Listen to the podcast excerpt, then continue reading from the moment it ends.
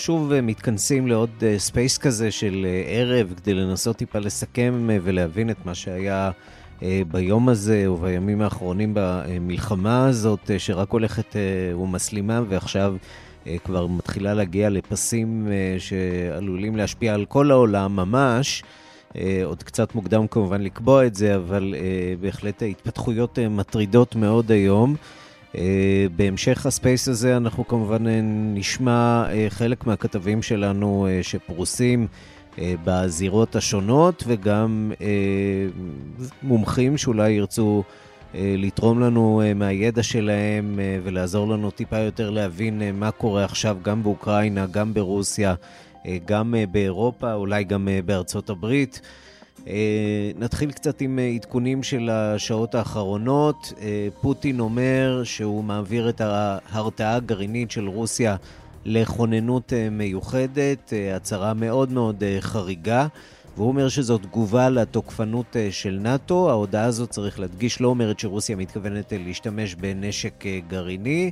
אבל היא בהחלט סוג של דריכות או דריכת הנשק הזה. הברית אה, כמובן מגנה את המהלך הזה, אומרת שהוא בלתי מתקבל על הדעת. בזירה אה, עצמה באוקראינה, אה, חיילים אוקראינים שולטים בחרקוב, כך אומר המושל אחר התקיפה הרוסית. אוקראינה טוענת ש-4,300 רוסים מתו בכל הפלישה. זה נתון שלא אומת צריך להדגיש. אוקראינה, מטבע הדברים, עסוקה בתעמולה שלה, רוסיה בתעמולה שלה. לאוקראינה יש כמובן הרבה יותר אה, כוח אה, במאזן התעמולתי. לעומת אה, רוסיה, מטבע הדברים כל אזרח אוקראיני שנמצא בשטח אוקראינה ומצלם את האירועים הוא שגריר טוב מבחינת העברת המסרים האוקראינים לקהילה הבינלאומית באמצעות הרשתות החברתיות. האיחוד האירופי מעלה מדרגה אה, והוא אה, אמור לשלוח נשק אה, לאוקראינה. הוא אוסר על כל הטיסות הרוסיות מהמרחב האווירי של אירופה, וזה כאמור, כמובן מעמיד את רוסיה במצב לא פשוט מבחינת התעופה. זה מצב שלא יוכל להימשך כנראה לאורך זמן. החדשות הקצת יותר טובות הן על משלחת אוקראינית שתצא לבלארוס, שם היא תיפגש עם משלחת אה, רוסית לשיחות. ינסו אולי להגיע שם להפסקת אש, השאלה אם הרוסים מעוניינים בהפסקת אש כזאת. קשה להאמין אה, שכן בשלב הזה, אבל אה, מצד שני, אפשר להתנחם בזה שרוסיה הולכת לשיחות האלה ללא תנאים מוקדמים שהיו לה לפני יום-יומיים כדי לקיים שיחות. כך שיכול להיות שיש איזו אה, תכונה או תנועה בעמדה אה, הרוסית. אנחנו אה, רוצים לפתוח לכם, כתבי ומומחי כאן חדשות, ואחר כך שאר המומחים, את רשות הדיבור. נתחיל אולי עם נטליה קנבסקי. את אומנם חיה בפריז, אבל את עם הלב והנשמה גם במה שקורה כאן אצלנו, וגם במה שקורה באוקראינה ורוסיה. אה, אני מתאר לעצמי שזה מאוד אה, מדאיג אותך, ואני רוצה לשמוע אם את אה, רואה איזושהי תקווה היום, אם צריך לשאוב איזה סוג של עידוד מהכינוס הזה שעומד להתקיים בבלארוס. מאוד בוודאי אילוץ גדול בעבור הנשיא האוקראיני, זה ברור. ביקש גם שזה יקרה באחת המדינות שממנה לא יורים אה, אל ויינה, אבל גם זה הדיקטטור לא היה מוכן לתת לו, אם אפשר ככה להתבטא, אבל אה, אני נורא מקווה שיגיעו שם לפחות לאיזושהי צורה של הפגה, כי אני באמת קשה לי לדבר על זה, אבל יש לי עכשיו, ברגע זה, חברה מאוד טובה שנמצאת במרכז קייב, גדלנו ביחד בסבסטופול. היא עשתה את החיים שלה בקייב באוקראינה, והיא עם הילדה בת שבע. יושבים במרכז, היא וההורים שלה והילדה יושבים במקלט, זה גם לא מקלט, זה פשוט מרתף, היא שלחה לי תנועה של המרתף. הם יושבים והיא אומרת, יורים כל הזמן, לא כל הזמן שומעים יריות ופיצוצים, ושאלתי אותה, יש לך אפשרות להגיע לאיזושהי, לאיזשהו גבול שאוכל פשוט לקחת אותו, ללכת לרומניה, לפולין, לאן שתגידי ולאסוף אתכם. היא אומרת, גם את זה לא יכולים לעשות כי בשעה חמש יש להם עוצר כללי. אז היא אפילו לא יכולה באוטו לזוז לאן מאוקראינה. אז המצב הזה הוא פשוט בלתי אפשרי, אז אתה שואל מה אני מצפה מה... מהמפגש הזה, אני מצפה שיגיעו לפחות לאיזה צורה של הסכם שייתנו לאנשים לצאת, שייתנו לילדים לצאת, שתהיה איזושהי הפוגה הומניטרית, כי ברור לכל ערן נדמה לי, ברור לכל שכל עוד שהוא לא ישיג את היעדים שלו, לדבר פה על איזה הפוגה אמיתית, קשה, קשה. לא תהיה פה הפוגה אמיתית. נטליה, את uh, הזכרת את זה שגדלת באמת uh, באזורים האלה. תנסי רגע להסביר לנו, הישראלים שצופים די בתימהון בכל הסיפור הזה, איך זה הפך, איך זה הגיע לרמה כזו של שנאה ועוינות, ששני עמים שהיו חלק ממדינה אחת, בסך הכל לפני 30 שנה נפרדו, והגירושים היו יפים בסך הכל. מה השתבש כאן בדרך?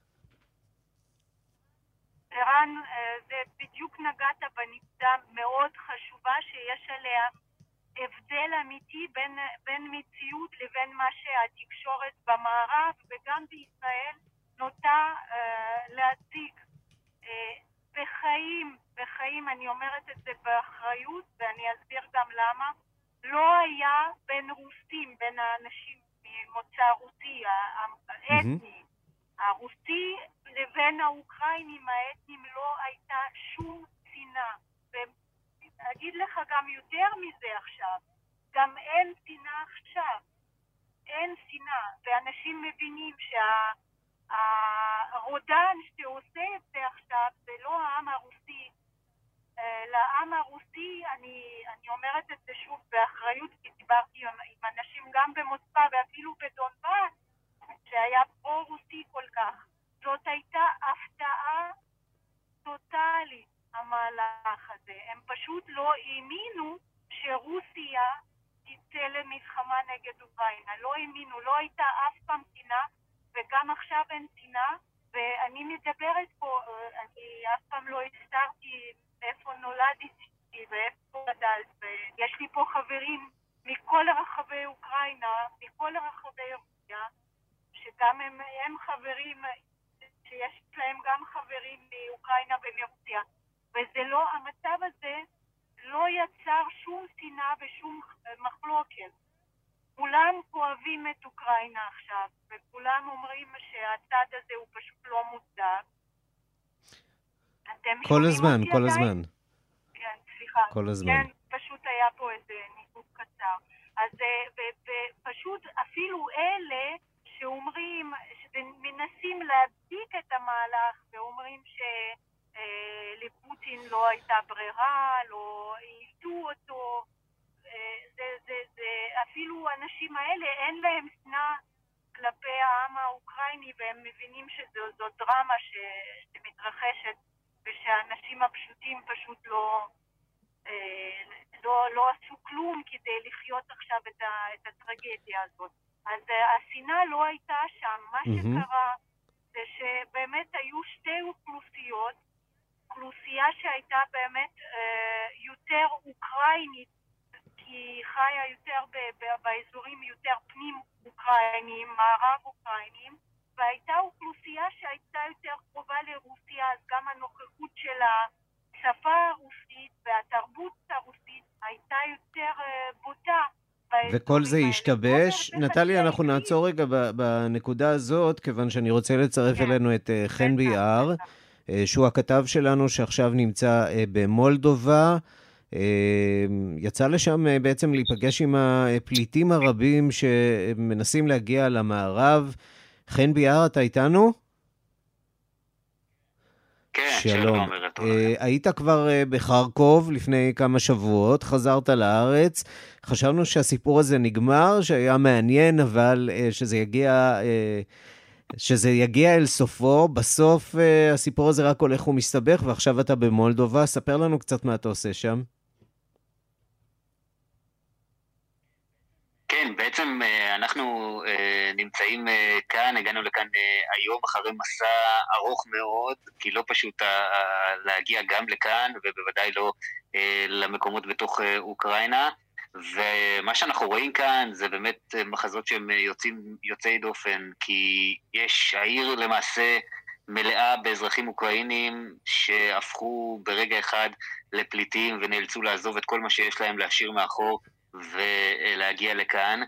עכשיו, מי שבאמת אה, קצת יותר שפר עליו מזלו ויש לו יותר אפשרויות, אז uh, הוא מתארח כאן בבתי המלון, ביחידות האירוח, שאגב הם מלאים לגמרי, כל בתי המלון בעיר, כמעט קשה מאוד למצוא מקום לישון, uh, מכיוון שפשוט uh, uh, אזרחים אוקראינים שהגיעו לכאן, uh, מתארחים כאן ומחכים לראות מה קורה והאם ומתי הם יוכלו uh, לחזור חזרה לבתים שלהם. מי שפחות התמזל מזלו, אז uh, מצא כאן כל מיני סידורים פחות נוחים, אם זה uh, מקומות מרוכזים של אוהלים ומקלטים שמארחים את האנשים שהצליחו לעבור את הגבול ונמצאים כאן, uh, אם זה אפילו אנשים, תושבי מולדובה, שגם מתגאים בזה שהם פתחו כאן את הבתים שלהם ומארחים, אני בטוח שזה די לא כולם, אבל יש כאן בהחלט גם מגמה כזאת של הבעת סולידריות עם האוקראינים שעברו את הגבול. ויש כאלו שהם כמובן גם מנסים אה, להמשיך מכאן אה, הלאה, אנחנו עכשיו נמצאים אה, בקישינב, אבל ראינו היום את הגבול בין מולדובה לרומניה, ששם יש באמת תור ארוך של קילומטרים ארוכים, ואנשים מחכים לעבור משם לרומניה, להמשיך הלאה במסע שלהם. לא לכולם יש כתובת או איזשהו אה, מוגדר, אבל הם אה, פשוט אה, מחכים ומצפים להגיע למקום שבו יהיה להם איזשהו פתרון אפילו זמני, אבל המסע הוא מסע ארוך מאוד, וכמובן עצם היציאה מאוקראינה היא קשה ולפעמים כרוכה בשעות על גבי שעות של המתנה על פני קילומטרים ארוכים של פקק במעברי הגבול. אבל הנה ראינו היום שזה לא מסתיים רק ביציאה מאוקראינה, גם כאשר רוצים לעבור הלאה אז אה, המסע הזה הוא מסע מאוד מאוד אה, אה, קשה ומורכב ומתיש, וגם ראינו, ערן, תמונות של אנשים שעושים את המסע בדרך ההפוכה, קרובים של אנשים שהם יודעים שהם יצאו מאוקראינה, קרובי המשפחה שלהם הגיעו מכל מיני מקומות בעולם בשביל לנסות לאתר אותם ולפגוש אותם כאן בקישינב, אנחנו טסנו היום ליאשי ברומניה, אבל בעצם הייתה, היה ברור שכל הטיסה בעצם מתכוונת, כמעט כולם מתכוונים לעבור את הגבול למולדובה, כל אחד וה, והסיפור והנסיבות שבהן הוא הגיע לכאן, ולנסות לפגוש או את הקרובים או את החברים שעברו את הגבול. תגיד, אחת ההשערות שנשמעה בימים האחרונים היא שאחרי שפוטין יגמור עם אוקראינה, מה שלא נראה כל כך uh, פשוט uh, וקל, הוא יעבור למולדובה, שגם היא מדינה שהשלטון בה הוא... אה, נגד אה, פוטין במידה כזאת או אחרת. אה, ראשת הממשלה, הנשיאה שם מאוד אופוזיציונית לפוטין, מאוד פרו-רומנית. יש תרחיש כזה? חוששים מתרחיש כזה, הפליטים של סיטואציה שבה הם ייאלצו להפוך לפליטים בפעם השנייה? תראה, אני ניסיתי קצת באמת לשאול את התושבים כאן על. העניין הזה, אני, התחושה שלי שזה לא דבר שהוא מאוד נוכח, כן, הם יודעים שברמה התיאורטית זה דבר שהוא אפשרי, והם כמובן רואים מה קורה אצל השכנים מאוקראינה ו- ומנסים להפיק את הלקחים, אה, ויש פה בהחלט מוסר השכל ש- שכדאי ללמוד. אני, לתחושתי לפחות, זה לא משהו שהם... אה, אתה יודע, מרגישים אותו ברמה היומיומית וברמה הממשית כדבר שעלול להגיע בעתיד הקרוב, אה, אבל כמו שהזכרת, אתה יודע, אני יצא לי לבקר רק לפני כמה שבועות גם אה, בחרקי וגם בקייב, ואז כבר המלחמה הייתה אפשרות הרבה יותר סבירה, ועדיין התושבים הרגישו שזה רחוק, וזה מדהים היום לראות את התמונות במקומות שהסתובבת בהם, והם היו עיר פועמת ותוססת, ולראות מה קורה בהם עכשיו. אז אני חושב שכולם מבינים שהדברים כאן עלולים לקרות במהירות וכבר הרבה פחות תמימים והרבה יותר מתייחסים ברצינות לכל סיטואציה ולכל תרחיש, אבל זה לא אה, משהו שהוא מאוד נוכח, אבל כן, אתה יודע, אולי גם בגלל העניין הזה, הסנטימנט האנטי-רוסי כאן, לתחושתי, הוא חזק, וגם הבעת ההזדהות עם האוקראינים, זה משהו שאת זה כן בהחלט מרגישים כאן באוויר. תודה, תודה רבה, חן. תשמור על עצמך שם. אה, בינתיים המצב שם מאוד בטוח, נקווה שכך אה, זה יימשך. גלעד שדה, אתה איתנו? אנחנו מחפשים את גלעד שדה. גלעד איתנו? לא, אני לא שומע. אני חושבת שהוא נפל, אני בודקת איתו. גלעד הוא אה, גם כתב שלנו, אה, כתב של השעה הבינלאומית, שנמצא עכשיו אה, בגבול בין פולין לבין אוקראינה. הוא בילה את היום, אני מזמין אתכם להיכנס לתוכנית המוקלטת שלנו ולשמוע את הדיווח המאוד ארוך שלו מאחת מתחנות הרכבת. שבה קיבלו את הפליטים, תחנת רכבת שהתמלאה עד כדי כך עד אפס מקום, שנאלצו להשאיר אה, במשך שעות ארוכות את אה, אנשי, ה... אה, את המהגרים מאוקראינה בתוך העקרונות, בגלל החשש הגדול שאם הם יצאו החוצה, הם כמובן יחטפו כוויות קור. ואנשים באמת היו שם בתוך הרכבות בתנאים לא אנושיים בגבול בין אוקראינה לפולין. אז בואו נצרף את אלכס נירנבורג. אלכס, אתה איתנו? אה, שלום ערן, שומעים? סוף סוף שומעים אותך. אחת לכמה ספייסים זה מצליח לנו, כן. אני רק אציג אותך, אלכס נירנבורג אה, הוא מכאן חדשות בדיגיטל, דוקטור אלכס נירנבורג. שמבין דבר או שניים בזירה הזאת, ואולי יוכל טיפה לפרש לנו איך הוא רואה את הדברים. תראה, רן, אני חושב שזה הזמן אה, לדבר על בני אדם. אה, אפשר לדבר על אסטרטגיות פוליטיות, על מטרות. בואו נדבר ביום הרביעי למלחמה על בני אדם, שבו כל מרחב דובר הרוסית נמצא בו, וזה ממש כך. זה נוגע לא רק לאנשים שנמצאים ברוסיה ובאוקראינה פיזית. ברשותך, אני אפתח בסיפור מקריית גת.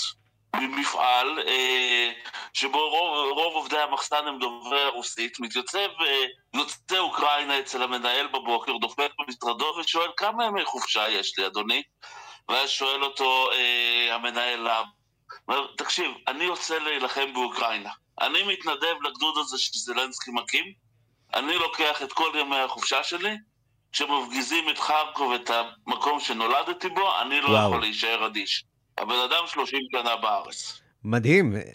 זה, זה, רק, זה רק מראה לך עד כמה בעידן הזה היום של הרשתות החברתיות אה, וערוצי הלוויין כמובן, אנשים יכולים לחיות כאן, אבל מנטלית הם עוד אה, מאוד מאוד אה, שם, גם יכולים להיות כאן ושם במקביל, אין, אין בהכרח סתירה בין הדברים, אבל עד כמה לדעתך זה מייצג שאוקראינים לשעבר יצאו לשם להילחם? מאוד מאוד מייצג, אנחנו רואים את זה בישראל, אנחנו רואים את זה במקומות אחרים. אה, פוליטיקאי לטבי, פוליטיקאי לטבי שמייצג את ציבור דוברי הרוסית אה, במדינה שלו, כותב הבוקר פוסט מאוד נרגש, שבו הכותרת של הפוסט הזה, אני, אני נלחם עם עצמי. ואז אתה נכנס לתוך הטקסט, והאיש כותב, האיש פוליטיקאי משופשף, מתמודד לפרלמנט האירופי, כותב, אמא שלי אוקראינית, אבא שלי רוסי, בחיים שלי לא, לא חשבתי שיש הבדלים כל כך תהומיים בין uh, האנשים האלו, חשבתי שהזיקה ביניהם כל כך עמוקה, של, שהם לא, יח, לא יילחמו אף פעם, לא משנה עד כמה המחלקות הפוליטיות, או הסלידה בין המנהיגים uh, תהיה חזקה. זה פשוט אבא שנלחם באימא. זו התחושה במרחב דובר הרוסית, ולכן הזעזוע מהעוצמות והשבר הוא עמוק כל תגיד, כך. תגיד, ראינו, אה, ראינו כאן אה, בארץ את ההפגנות של יוצאי אוקראינה, וכמובן הצטרפו אליהם הרבה ישראלים שאין להם זהות מיוחדת עם אוקראינה. האם אתה רואה תרחיש שבו נראה את העימות הזה ברמה כזאת או אחרת זולג פה אה, לקהילות? כי היו סימנים מקדימים לעניין הזה, בעיקר סביב אה, אזרבייג'אן וארמניה, אה, גיאורגיה ורוסיה. ראינו אה, התעוררויות כאלה כאן בתוך ישראל אה, על השבר האתני הזה של אה, ברית המועצות לשעבר בישראל. ערן, השבר הוא בין, כבוד שעברה דוברת לפניי, אה, ובצדק רב, השבר הוא בין המנהיגים. ההבדלים בהשקפות ובהנהגה. הרוב הגדול של הרוסים והאוקראינים באמת רוצים לחיות בשלום, באמת חלקם, חלקם לא רואים הבדל כזה רב ביניהם. ובגלל זה השבר הוא עמוק כל כך, בגלל זה הסדק שנפער בין שתי האומות האלה הוא כל כך כל כך עמוק. אה, דמיין לך שרמת אביב ג' תצא למלחמה בצהלה, חיפה תצא למלחמה בירושלים. אנשים שיש ביניהם דמיון תרבותי, שהרפרנסים התרבותיים שהם גדלו עליהם הם כל כך דומים, דומים. יוצאי ברית המועצות רבים בשנות ה-80 מבחינתם קייב ומוסקבה היו כמו תל אביב וירושלים. משהו שהוא מאוד מאוד דומה תרבותית, משהו שהוא מתכתב... במידה רבה, אתה אומר, זה, זה סוג של מלחמת אזרחים. זו מלחמת אחים, זו לא מלחמת, זו כבר, זו מלחמת אחים במידה מסוימת, הם מייצגים שתי אומות, שתי מדינות שונות, אבל זו מלחמת אחים שבה אח רוצח אח, משפחות מתחלקות בין תמיכה לפוטין לבין זילנסקי, משפחות נקרעות סביב העניין הזה, אה, ולכן הפצע והשסע הוא כל כך עמוק. אבל אני רוצה, בהמשך לשאלה שלך, לקוות שהאנשים ידעו למתן את זה, ידעו למזער את זה, ישאירו את המחלוקות למנהיגים, לאותם דיקטטורים שמחליטים לצאת ל... אה, למסע המטורף הזה של אה, יצירת שנאה בין בני אדם במקום שבו הייתה פעם הבנה אה, ואיזושהי סובלנות אחד כלפי השני. תראה, אנחנו יכולנו איכשהו להצדיק את ולדימיר פוטין עד לפני שבוע לדבר את אותו הנרטיב שלו על כך שהנאטו מקיפה אותו והוא מרגיש מאוים והוא מרגיש נרדף וכל העניינים האלו, אבל האופן שבו הוא פתח במתקפה הזאת, האופן שבו הוא יצא אה, את אחיו האוקראינים, את אותם, הוא עצמו הוא אמר לא פעם במסיבות עיתונאים שקיים, מבחינתו הרוסים והאוקראינים הם עם אחד, סוף ציטוט. אז כשאדם כזה יוצא למסע של רצח במדינה שכנה ועוד במדינה אחות, אה, זה פותח איזשהו פצע, ואני רוצה להגיד לך שרוסיה מתעוררת. תגיד, אה, לסיום, אה, אלכס, איזושהי תחזית שלך לגבי כן. לאן זה הולך? כי הולכים עכשיו לסוג של משא ומתן שיבשיל, או שמדובר פה במשא ומתן מן הפה אל החוץ? תראה, אה, פוטין בנאום שנשא בלילה ביום חמישי, על רפובליקות דונייט ודוגנסק, על פניו אה, הרפובליקות האלו כבר צברו שטח וכרזים נוספים מהצבא האוקראיני, אז כאן הוא יכול לסמן וי. אה, ומשימה נוספת שהוא שם לעצמו זה אוקראיני מהנשק. כל מי שעוקב אחרי התעמולה הרוסית רק אה, קורא כמה בסיסים ונקודות צבא אוקראיניות, צבא רוסיה השמיד בימים האחרונים. אני מקווה שהוא יגיד לעצמו די לי, די לי בהקשר האוקראיני במה שהשגתי, בואו ננסה לנהל מום על פירוז, על... אה, שלהם אה, מרח, ואיכשהו נסיים את העניין הזה בצורה של משא ומתן. אני מקווה שכמה שפחות אנשים ימותו עד אז. תודה, אלכס. Uh, אני רואה כאן גם את uh, טריי אינגסט, הכתב של פוקס uh, uh, שנמצא באוקראינה. אם הוא ירצה להצטרף אלינו, uh, אפילו באנגלית, אנחנו מאוד נשמח uh, לארח אותו. Uh, היה והלך. טוב, ניסינו. אלכס, תודה רבה על, ה, על הדברים שאמרת. מצב באמת מטריד, ואתם יודעים, אחת הסוגיות שהכי מטרידות... את כל הצדדים מנושא התעופה. אני ככה בעודנו משוחחים, אני מסתכל במפת הטיסות. אה, האיחוד האירופי בעצם אסר על טיסה של מטוסים אה, רוסים. אה, בשטחם, רוסיה הולכת על צעד דומה. אני מסתכל עכשיו על קלינינגרד, זו מובלעת רוסית שנמצאת בין הרפובליקות הבלטיות לבין פולין. המטוס הזר היחיד שכרגע טס שם הוא מטוס שוויצרי. במילים אחרות, חזרנו למלחמה הקרה. השוויצרים הם היחידים שבעצם יכולים עכשיו לשייט בין כל הצדדים, אולי השוויצרים והישראלים שמנסים לקדם איזה סוג של משא ומתן. אני אנסה שוב את עמיחי שטיין, שכבר... אה, לא, עמיחי אה, לא איתנו. אה, אז אנחנו נפתח אה, את, השיחה הזאת גם לשאלות ולהערות אה, שלכם. אני רואה שענבר אה, מור נמצאת כאן, ענבר מור אה, היא תושבת קייב אה, בדרך כלל, והיא הספיקה לברוח. עכשיו היא כבר כאן בארץ, אבל אני מניח שיש הרבה מאוד דאגה נוכח מה שמתרחש שם בקייב. ענבר, את שומעת אותנו?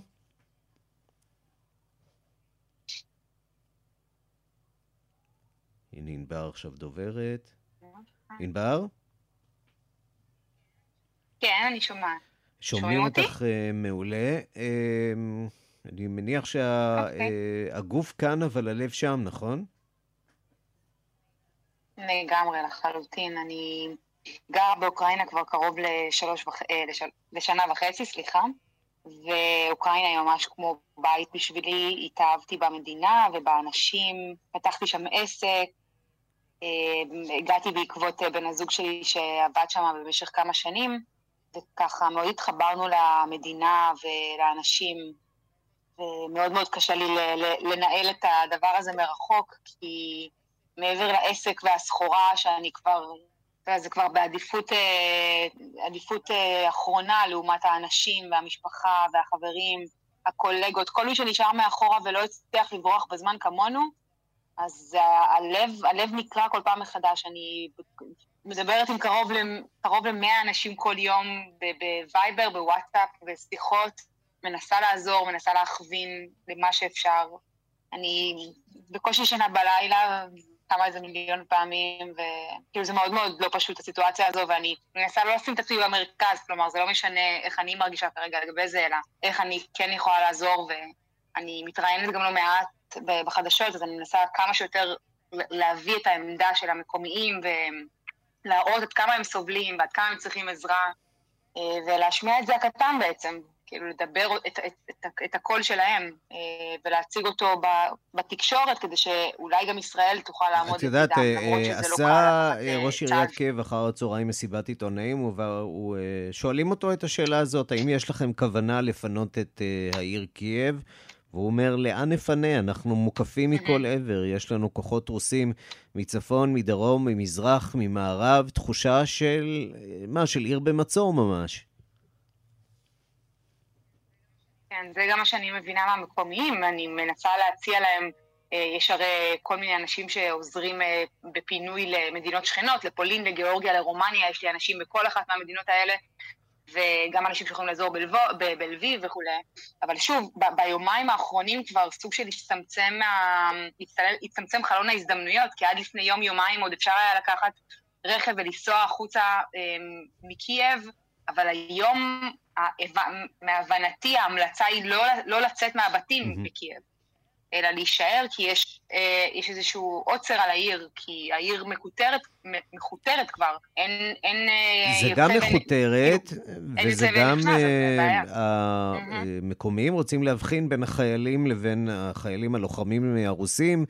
אה, לבין הצד השני. הם חוששים שיסתובבו בעצם אזרחים ברחוב, והם רוצים אה, לראות בכל אדם שמשוטט כסוג של אה, אויב בעצם. תגידי, מה, מה, מה עלה בגורל העסק שלך? כן. הוא בעצם נעצר, או שיש לך אפשרות להמשיך? אין לי כרגע אפשר, כלומר החבילות האחרונות שהוזמנו מאירופה אה, עשו את דרכן לאירופה בשבוע שעבר, ו, וזהו, כבר אין אפשרות לעשות אה, משלוחים, אז הסחורה כרגע נשארת, אה, נשארה במחסן באוקראינה. אין לנו כרגע גישה אליו, כלומר אין לנו מישהו שיפתח שם את הדברים ויביא לנו אותם לישראל, אה, למרות שהיינו רוצים לעשות את זה.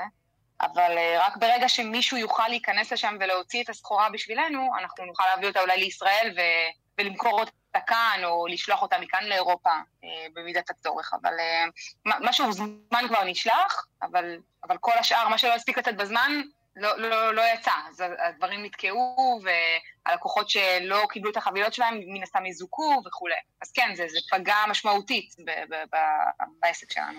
טוב, ענבר, אני מקווה שהסיפור הזה ייפתר מהר. אה, גם עסקית זה לא סימפטי אה, בכלל. קודם כל אנושית, אבל גם אה, עסקית. ברור שלא. תודה רבה בשלב הזה. אני רוצה לצרף את גיל, גלעד שדה, הכתב שלנו שנמצא על הגבול בין פולין לאוקראינה. אתמול הוא פגש לא מעט פליטים, גם היום. גלעד, בוא תפתח את המיקרופון שלך. מה שלומך? קר, כמה קר? אה, אני לא יודע להגיד במספרים, אבל אה, קר מספיק כדי שיהיה קשה להחזיק את הטלפון ביד, אבל אני עם אה, כפפות. טוב, אנחנו נספר למאזינים שלנו שאתה פרילנסר שלנו, לא היית חייב לעשות את זה, ובכל זאת החלטת ש... שם הסיפור ושם אתה רוצה להיות. קודם אולי תסביר לנו מאיפה המשיכה הזאת להסתער ולהגיע לנקודה הזאת, לנקודת הגבול, כמעט בזירת הקרבות? אה, תראה, אני באופן אישי, אה, אם אה, באמת פותחים את הנושא הזה, רוצה תמיד להיות עד למה שאני כותב על הנושא שאני כותב עליו, או מדבר עליו, או שאני מצלם, ואוקראינה זה מקום שתיעדתי החל משנת 2016 במשך כמה שנים. אה, זה, אה, יש לי קשרים גם עם אה, אנשים בצד הרוסי, גם עם אנשים במובלעות הבדלניות באזור הזה, לא רק שם. זה נושא שאיכשהו נשאבתי אליו בעבר. כל הקו, נקרא לזה הקו החזית בין המערב לברית המועצות לשעבר. ספר, ו... ספר לנו קצת מה... רק כן, כדי... מה רצית להגיד? לא, אני אומר, כדי להבין צריך להיות בשטח לדעתי כמה שיותר, וכשרואים דברים, שמדברים עם האנשים, שרואים את הפליטים שמגיעים ושואלים מאיפה הם הגיעו, ושומעים על החוויות שלהם ועל ההפגזות ובאיזה עיר, ואיפה הבעל, אה, וכל האנשים שאני גם מכיר בשטח ואני מצליח להיות עם חלקם בקשר, זה עוזר להבין את המציאות בשטח אה, בצורה טובה יותר. אמ, כן. שמענו את הדיווח שלך היום אה, בשעה הבינלאומית, דיווח באמת מרגש ומעורר הרבה מאוד כאב על מה שעוברים הפליטים שמנסים להגיע לחופש. בסוף הם מגיעים למעשה לאיזה פקק מתמשך שמתחיל בעצם במעבר הגבולות ואחר כך עובר לרכבת, וגם שם כשהם מגיעים לתחנה בפולין, הם לא יכולים לרדת, כיוון שמדובר בתהליך אה, אה, ארוך ובחוץ קר ואין לאיפה להעביר אותם. אה, זה נשמע כמו אה, סיוט לא קטן. ספר לנו קצת אה, מה, מה עשית שם אתמול, מה עשית היום, את מי פגשת? אז תראה, אני חייב להגיד שהייתי גם באזורי מלחמה ובאזורי אסון לא מעט פעמים, ואף פעם אי אפשר להתרגל. כאילו, אתמול ממש באמת נשבר לי הלב לראות את הילדים, לשמוע את הצרחות, ואני אגיד רגע במאמר אה, מוסגר, שכמישהו שתהיה לא מעט ברכבות באוקראינה ומכיר את הרכבות האלה מבפנים, גם כשהן לא כאלה עמוסות, זה סיוט לא קטן. ואני נקרא לזה... זה מזכיר קצת את הקורונות של, שהיו כאן אצלנו לרכבת ישראל בשנות ה-70 וה-80. עכשיו דמיינו לכם שאתם צריכים להיות אה, ברכבת הזאת שנוסעת בטח די לאט אה, במשך אה, הרבה מאוד שעות. אתם מגיעים לפולין, ושם אתם בעצם לא יכולים לרדת מהרכבת, נכון? אתה ישבת וצפית באנשים שבעצם לכודים בתוך הקרונות שלהם. כן, והעניין הוא שבגלל שיש איזשהו תהליך ובאמת אה, עובדים שם בצורה יחסית מאוד זריזה, אבל הכמויות של האנשים שמגיעות פשוט בלתי אפשריות. אה, גם אם יורידו אותם מהרכבת, דיברתי עם החבר'ה שם ממשמר הגבול הפולני, אמרו, אנחנו מפחדים שיקבלו לנו היפותרמיה, כי באמת קר וכולם עייפים והם מאוד, מאוד תשושים, אז זה מאוד מסוכן. ומדהים לראות אבל בחוץ אה, לא מעט אנשים, אני פשוט נדהמתי, שנלחמים עם, על לקחת את הפליטים איתם ברכב, בין אם זה לבית שלהם, בין אם זה למקום שיש להם אנשים. אה, עכשיו אה, ממש פגשתי פה אישה ש... מחכה פה כבר כמה שעות, והיא מחכה לילדה חולת סרטן במצב קשה, שאמורה להגיע לכאן לקבל טיפול רפואי. ממש הצליחו לזרז את התהליך שלה למצב שהם יצאו היום בבוקר, אבל עדיין זה, זה תהליך ארוך. והיא מחכה פה, ולא ידוע מתי היא תצליח לעבור את הגבול, גם הרשויות מעורבות בזה, כולם מנסים לזרז את הנושא הזה. זה פשוט, זה קשה לראות את זה, ואותה אישה הולכת, ל... לאחסן, הולכת אה, לקבל את המשפחה הזאת אה, לתוך הבית שלהם, לחדר של הילדים שלה, וזה פשוט אה, מדהים לראות את זה. עכשיו, יש אה, עוד תופעה מעניינת פה. זאת פולין אחרת מזו שהתרגלנו, לא אה, גם מהחוויה היהודית שלנו וההיסטוריה היהודית, שאומנם היו מקרים של חסידי אומות עולם, להבדיל כמובן בסיטואציות, זו לא הייתה סיטואציה, וגם במידה רבה במשבר המהגרים שהגיעו מהמזרח התיכון, הפולנים לא רצו שום יד ורגל בסיפור הזה. פה אנחנו רואים שכשזה נוגע לשכנים שלהם, הם אה, פותחים את הלב.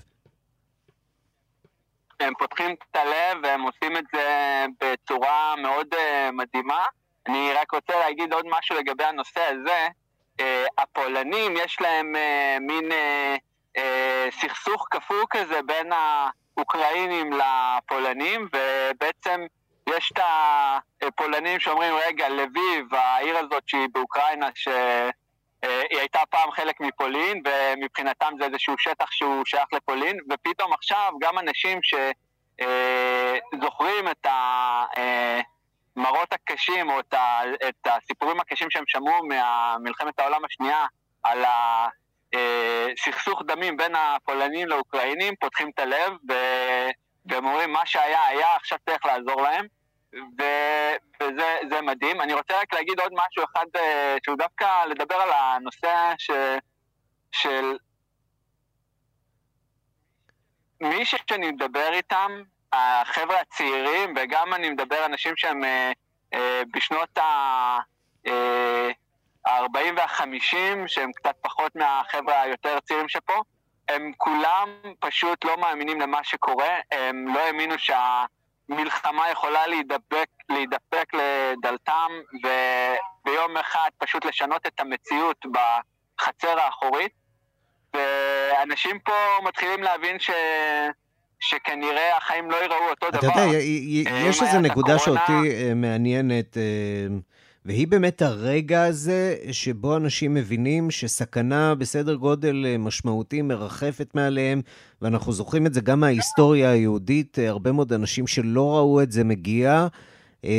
והנקודה הזאת, כמו שאנחנו שומעים גם מענבר, שהרבה מאוד אנשים בקייב לא האמינו שהדבר יגיע למצב הזה.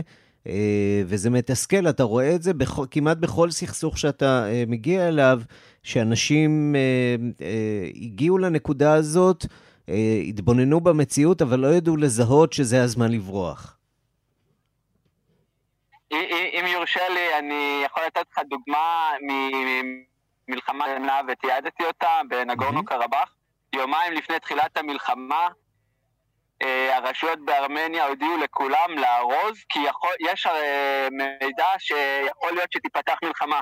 ובסופו של דבר אנשים פשוט רצו מהבתים שלהם, כי המלחמה שם הייתה קצת שונה, אה, והם באמת היו בסכנה, אה, האנשים עצמם, והם פשוט רצו והשאירו הכל. תמונות, ארנקים, דרכונים, אנשים פשוט רצו וברחו.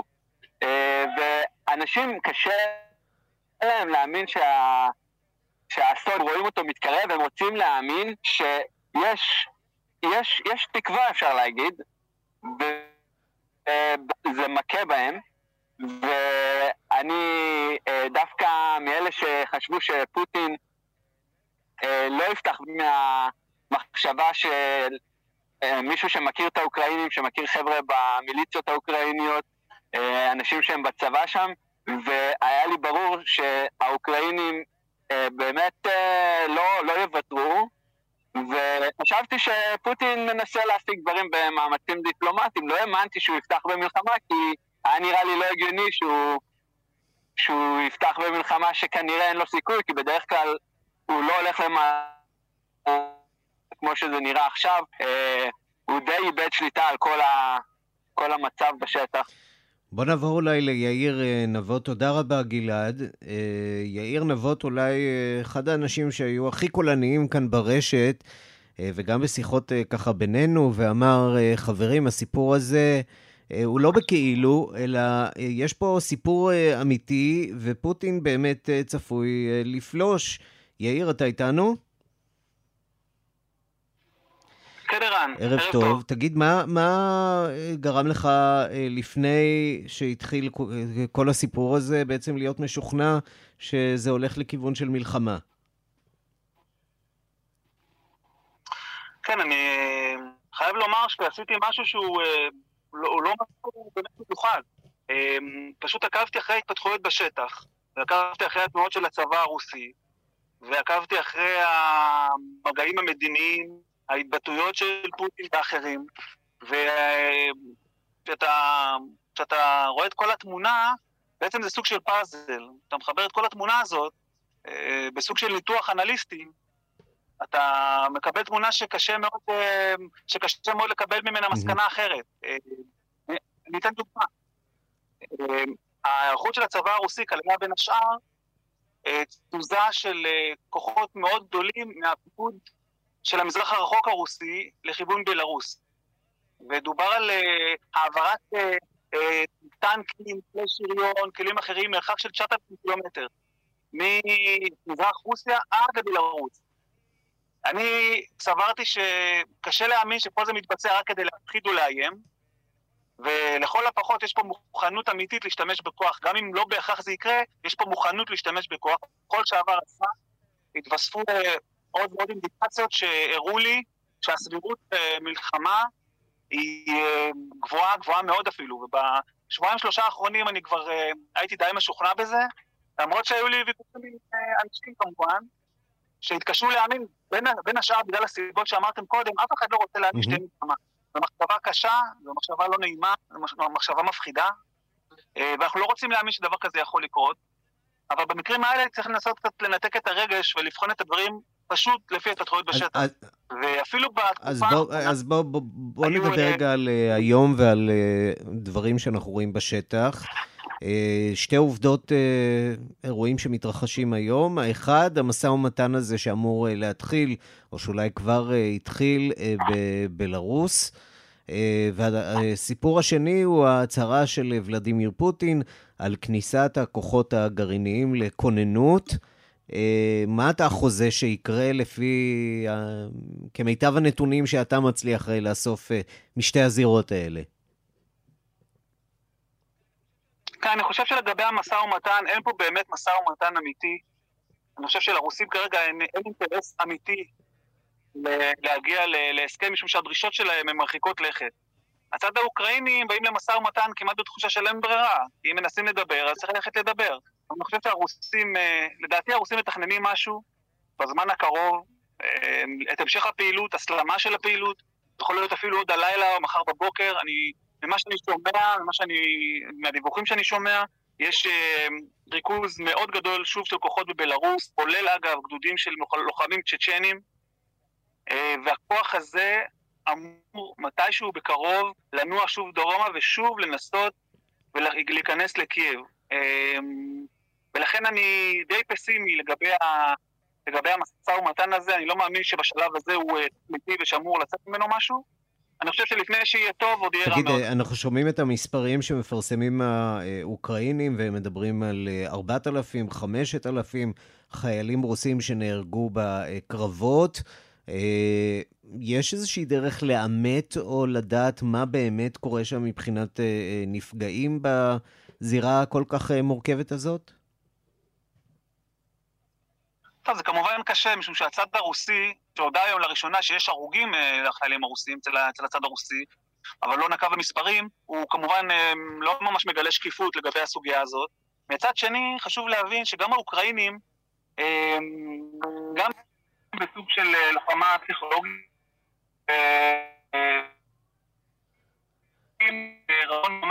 יאיר, אתה קצת משתבש לנו, או שמשתבש לי?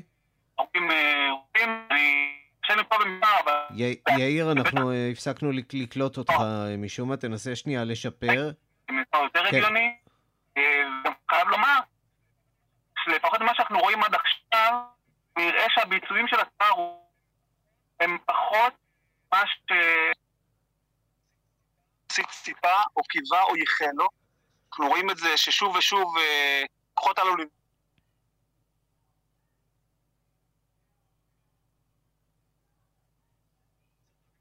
סרטונים שמתעדים את זה, אז איפשהו יש לי תחושה שלא בדיוק, לא בדיוק מה שתכנן שה...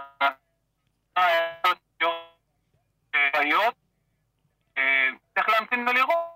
יאיר, אני, אני לא יודע אם זה רק אני, אבל אני שומע אותך משובש מאוד, אז, אז אני אגיד לך תודה בשלב הזה, אבל תישאר איתנו, כי יכול להיות שיהיו שאלות. אנחנו נפתח את זה קצת גם לכם.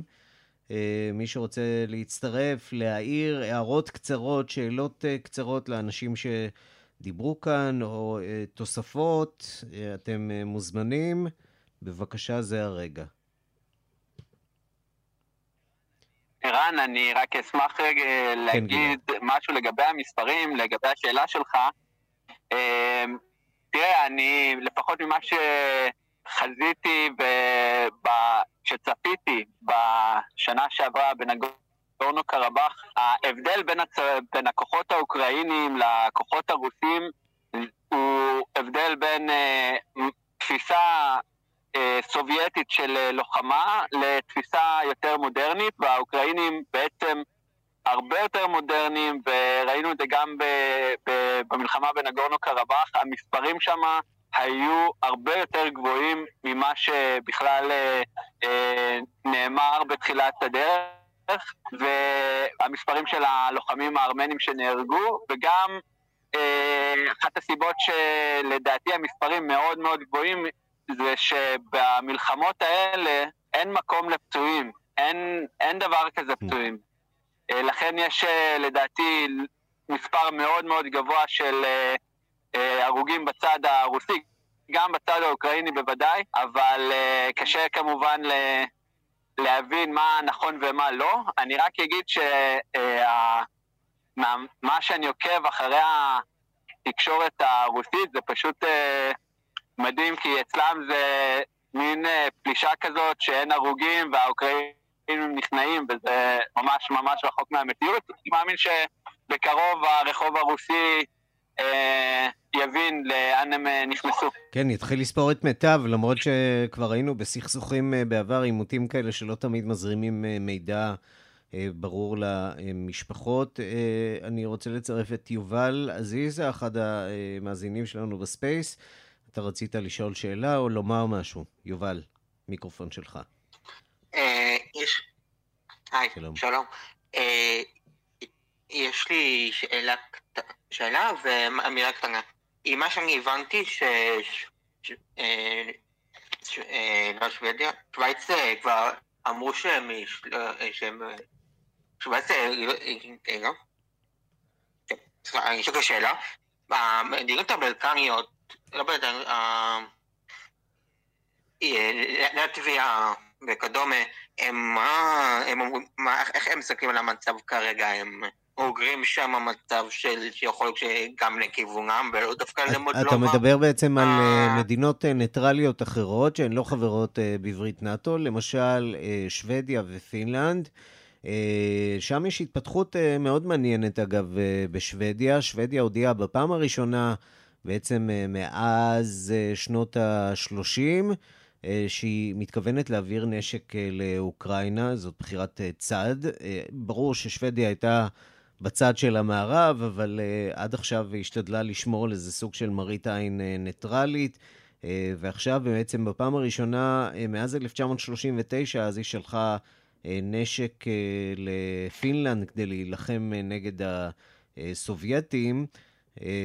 עכשיו בפעם הראשונה היא שולחת נשק לאוקראינה, ובעצם משגרת מסר, שולחת מסר לרוסיה, שבו היא אומרת, אנחנו עם מדינות המערב.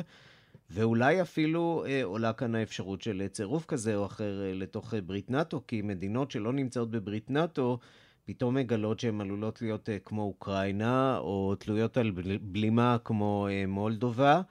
יאיר נבות, אולי אתה רוצה להגיד על זה משהו, על ההתגבשות.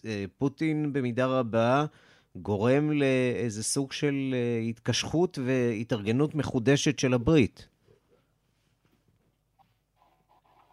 כן, זה נכון, ובדרך מאוד, בדרך מאוד מעניינת, הוא, הוא בעצם אה, גורם לאפקט הפוך ממה שהוא רצה, משום שהוא יצא לכל העניין הזה הרי מתוך אה, מטרה מוצהרת אה, שקשורה ל... לכאורה לרצון של אוקראינה להצטרף לנאט"ו. ומה שאנחנו רואים אה, כרגע זה סוג של אה, חזית אה, חסרת תקדים של כל אה, האיחוד האירופי, יחד עם מדינות המערב, ארה"ב, קנדה, אוסטרליה, מדינות אחרות, כמובן בריטניה גם. ואנחנו שומעים גם אה, דיבורים בשוודיה, שכמו שאמרת, נוקטת בצעדים אה, חסרי תקדים אה, כדי להעביר את תמיכתה באוקראינה, אבל לא רק זה, אנחנו שוב ושוב שומעים דיבורים על פינלנד, על האפשרות שהיא תצטרף לנאט"ו. ואמרנו את זה הרבה פעמים, שזה יכול להיות מהלך שהוא יהיה מאוד בעייתי עבור, עבור רוסיה. לפינלנד ורוסיה גבול יבשתי של יותר מ-1,300 קילומטר. בעצם הוכחה שרוסיה הפסידה במלחמה הזאת, היא ניסתה להרחיק ממנה את האיום, והיא בעצם אה, מקרבת אותו אה, לגבול שלה בצורה אה, מאוד ברורה, אם זה באמת יקרה.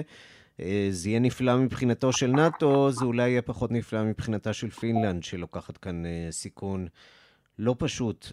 בואו נצרף את נאוראי, שרוצה גם כן לשאול שאלה. נאוראי? שלום נוראי. שלום. ר... כן, רציתי לשאול אם יש סיכוי שקייב לא תיכבש בסופו של דבר בידי רוסיה, או שזו שאלה של זמן רק? יאיר, אתה רוצה להשיב על זה? מישהו אחר? רוצה להשיב על זה מישהו אחר? אה, אני יכול להשיב. כן.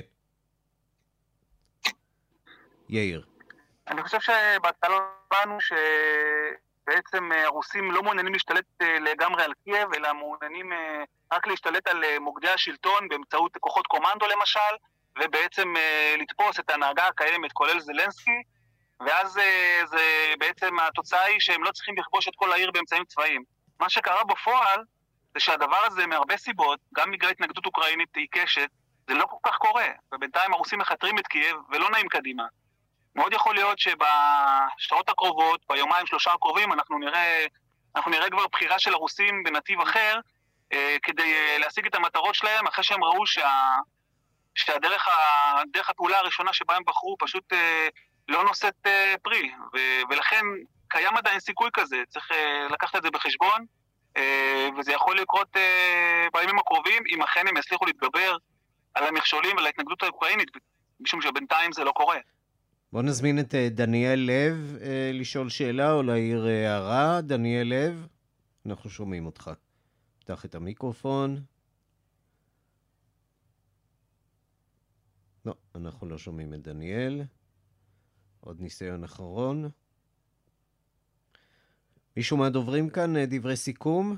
נטליה אולי? נטליה בעצם כבר לא כאן. מישהו מכם, גלעד או יאיר?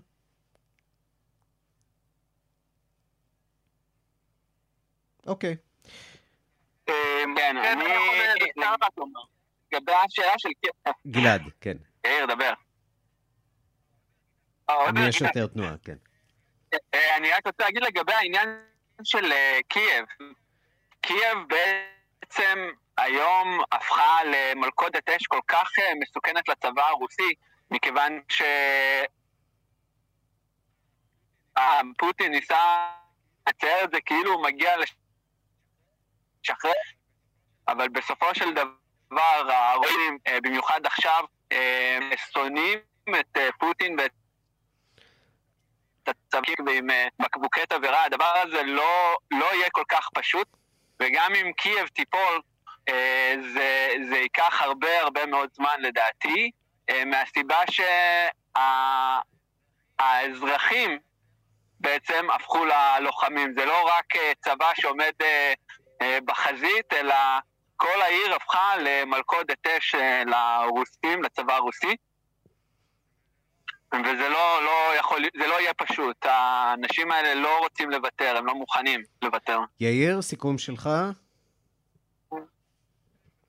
כן, בגדול אני מאוד מסכים עם מה שגלעד אמר, ומה שרציתי להגיד, אה, זה גם תואם את הדברים של גלעד, שאני חושב שכולם, כולם צריכים להתאזר בהרבה סבלנות, משום שאני לא רואה את העניין הזה מסתיים בתוך יומיים שלושה, גם לא שבוע. זה יכול להיות uh, סיפור ארוך, ו...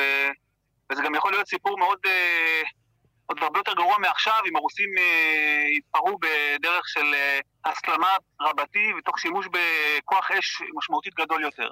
Uh, ואז אנחנו עלולים לראות uh, פגיעות uh, מאוד קשות uh, גם באזרחים, מאוד מקווה שלא נגיע לזה. יש לנו כאן עוד דובר אחד. יש לי גם כן, משהו לומר, ערן. אה, אוקיי. כן, ענבר.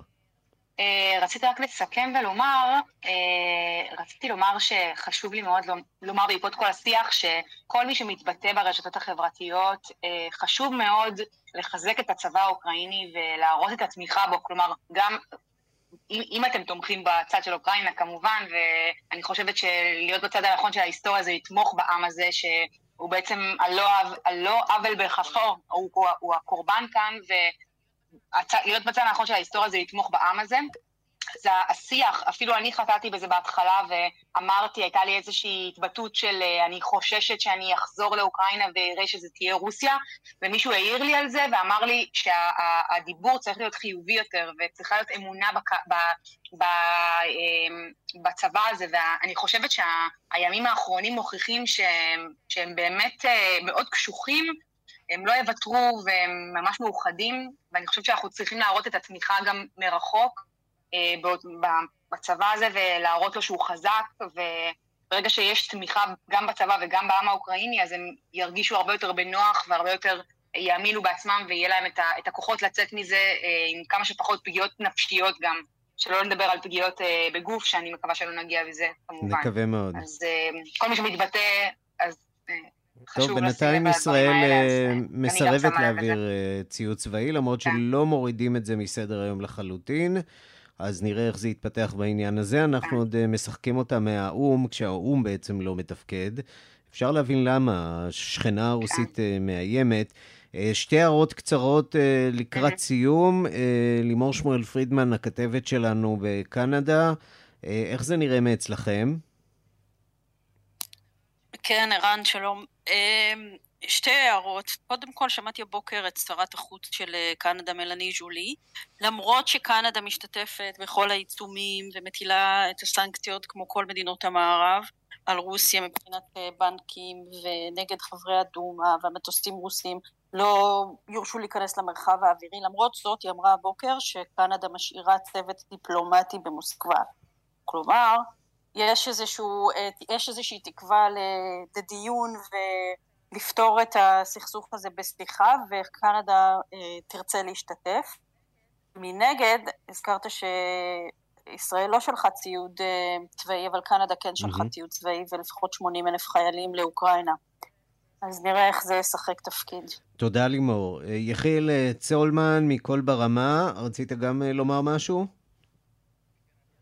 כן, אני רציתי לשאול שאלה ברשותך, אפילו אולי שתי שאלות. שאלה ראשונה, אה, מדוע אנחנו לא רואים את אוקראינה תוקפת את רוסיה בשטחה?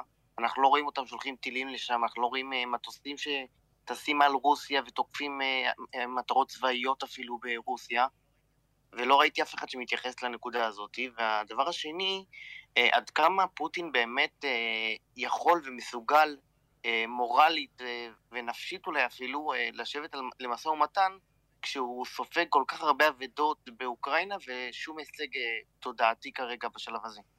טוב, אני יכול להשיב רק בהערכה. אה, הצבא שלהם פשוט אה, לא חזק מספיק בשביל להתעסק גם במלחמה באוקראינה וגם לפעול בתוך השטח הרוסי. יש גם חשש שפעולה בתוך רוסיה תסלים את המצב. אה, וכרגע אין אמצעים לעשות את זה. יכול להיות שאם המערב יצייד את אה, אוקראינה בעוד ועוד אה, תחמושת, היא תוכל לבזבז קצת גם על להעביר את הקרב לזירה של היריב. מה הייתה השאלה השנייה שלך?